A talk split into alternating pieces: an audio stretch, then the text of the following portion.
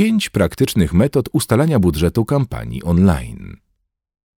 Największym bólem w relacji agencja-klient jest niewątpliwie ustalanie budżetu mediowego. Rozmowy odnośnie produktów, możliwości narzędzi, media miksu, pomysłów kreatywnych zazwyczaj mają przebieg jednostronny. Agencja mówi, klient słucha, uznając eksperckość rozwiązań i wiedzę pracowników agencji. Sytuacja zmienia się drastycznie w momencie, gdy pada pytanie o budżet.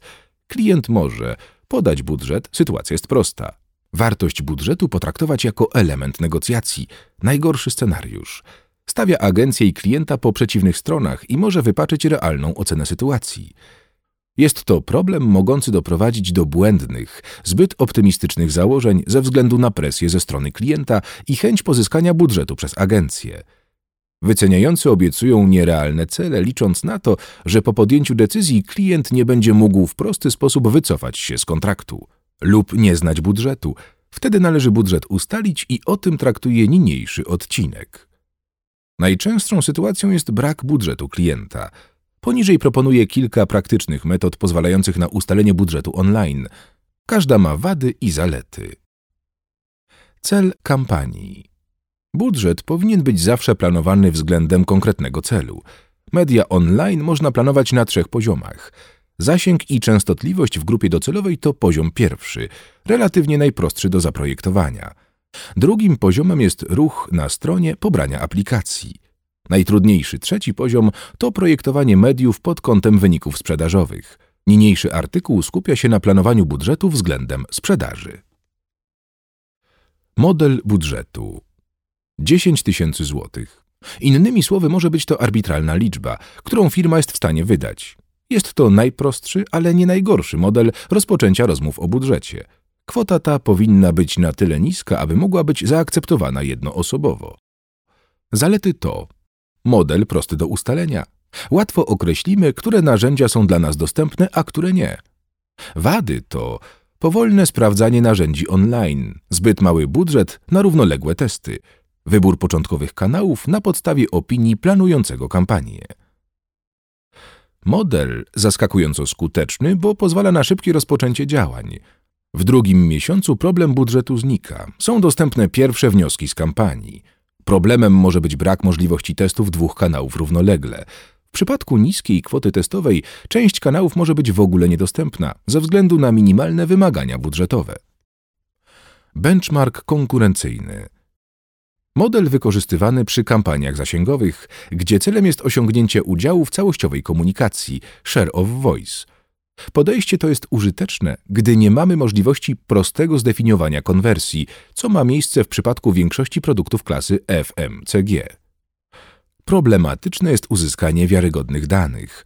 Można opierać się na informacjach przekazywanych w publicznych materiałach, case studies z konferencji, informacje giełdowe, analizy sektorowe czy wiedzy byłych pracowników, o ile nie łamie to umów prawa.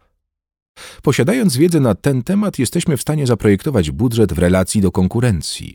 Wadą jest brak wiedzy o miksie mediowym i efektywności działań konkurencji. Zalety. Szybka i skuteczna metoda dająca realne podejście do budżetowania. Akceptowalna korporacyjnie, daje złudne poczucie spokoju. Wady. Trudne do realnego ustalenia, brak informacji o miksie mediowym i jego skuteczności. Narzędziowy, bottom-up. Podstawowy model wyceny agencyjnej. Wykorzystywane są możliwości narzędzi typu AdWords czy Facebook do oceny potencjału mediowego. Ponadto zbierane są wyceny od wydawców, cena i potencjał. Na tej podstawie możliwa jest estymacja trzech rzeczy: zasięgu, ruchu na stronie i sprzedaży – Ruch i sprzedaż obarczone są błędem estymacji, zasięg jest daną w miarę pewną. Model ten napotyka problem w momencie, gdy produkt na rynku jest nowy. Brak danych historycznych w narzędziach AdWords i Facebook oraz u wydawców czynią estymacje mniej efektywnymi. Zalety. Prawdopodobnie najbardziej precyzyjny model. Jasność na poziomie estymacji. Modelowanie odbywa się w praktyce na dwóch współczynnikach konwersji CR oraz CTR. Wady. Zazwyczaj estymacje są mało optymistyczne. W przypadku nowych kategorii, bez danych historycznych, mniej precyzyjny. Wynikowy. Procent marży na sprzedaży. Wysokość budżetu określana jest przez maksymalny koszt pozyskania sprzedaży CPS. Bardzo często stosowane rozwiązanie, pozwalające trzymać koszty marketingowe w ryzach. Podstawą wyznaczenia jest marża operacyjna i procent marży, który można wykorzystać na pozyskanie sprzedaży. Najprościej będzie to przedstawić na przykładzie dotyczącym sprzedaży książki. Załóżmy, że przychód z książki netto równa się 50 zł. Koszt produktu 60% ceny netto równa się 30 zł. Marża operacyjna równa się przychód minus koszt produktu równa się 20 zł. Pozostałe koszty operacyjne równa się 30% kosztu produktu równa się 9 zł. Zysk na sprzedaży równa się 50 zł minus 30 plus 9 zł równa się 11 zł. W powyższym przykładzie maksymalnym kosztem pozyskania sprzedaży CPS jest 11 zł. Przy planowaniu działań online'owych w estymacjach i wycenach należy brać tylko pod uwagę kanały oferujące efekt poniżej 11 zł. Dzięki temu założeniu sprzedaż w kanale internetowym będzie rentowna. Jest to niewątpliwa zaleta tego modelu. Rozwiązanie to ma też wady. Rzeczywistość jest dużo bardziej skomplikowana. Powyższy model nie uwzględnia efektów, których nie jesteśmy w stanie zmierzyć, takich jak sprzedaży z ruchu bezpośredniego – Drugim problemem jest to, że klient raz pozyskany z droższego kanału, np. w cenie 30 zł, może dokonać powtórnego zakupu bezpośredniego. Efektem jest sztuczne ograniczanie potencjału. Panaceum na ten problem jest wyliczenie wartości życia klienta LTV, które pozwoli na ustalenie wyższego docelowego CPS. Efektem tego będzie wyższy budżet i więcej sprzedaży. Zalety. Bezpieczny dla budżetu marketingowego – chyba że część mediów jest estymowana. Wymaga zrozumienia biznesu i próby określenia marży oraz CPS. Przypadku, gdy model ten jest oparty na realnym LTV, może być bardzo skuteczny. Wady. Może być zbyt niski, jeśli oparty na marży z pierwszej sprzedaży, a nie LTV. Trudny do zakupu, zarządzania, jeśli media nie chcą rozliczać się w modelu CPS-CPL. Wynikowy, top-down tak zwany model szefa. Ma on zastosowanie w przypadku, gdy cel, najczęściej sprzedażowy, narzucony jest z góry. Wygenerować X sprzedaży po koszcie nie wyższym niż Y, CPS. Budżet jest efektem mnożenia liczby sprzedaży razy CPS. Za takim podejściem stoją najczęściej założenia biznesowe. Realizacja budżetu oznacza zazwyczaj sukces finansowy projektu. Takie podejście można oceniać z dwóch stron – z jednej strony może być to kompletnie błędne myślenie, nie mające żadnego odzwierciedlenia w cenach rynkowych. Z drugiej pozwala na maksymalne zmotywowanie prowadzących kampanię, jeśli cel jest możliwy do realizacji, ale ambitny. Zalety. Nie musimy budżetować, mamy z góry określony cel. Pozwala na osiąganie wyników, które uważaliśmy za nierealne. Wady. Może być kompletnie oderwany od rzeczywistości.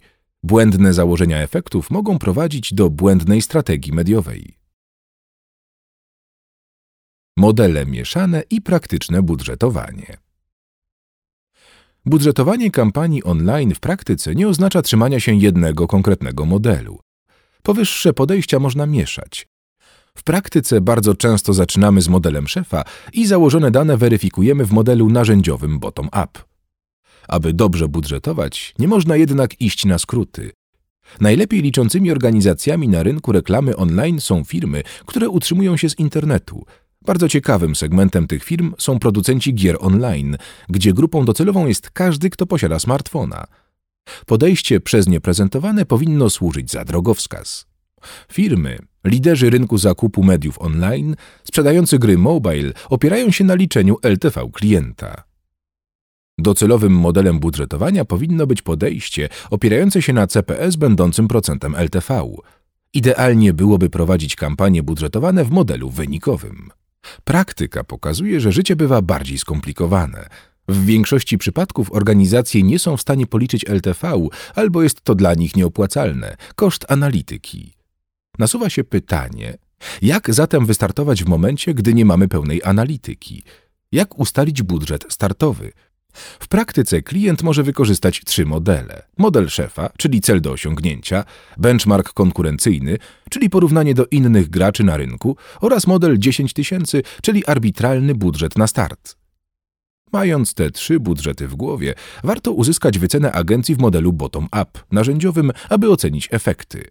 Następnie warto budżet zmniejszyć, bo pierwsza kampania będzie zapewne mało efektywna, nie będzie wpiętej analityki i możemy startować.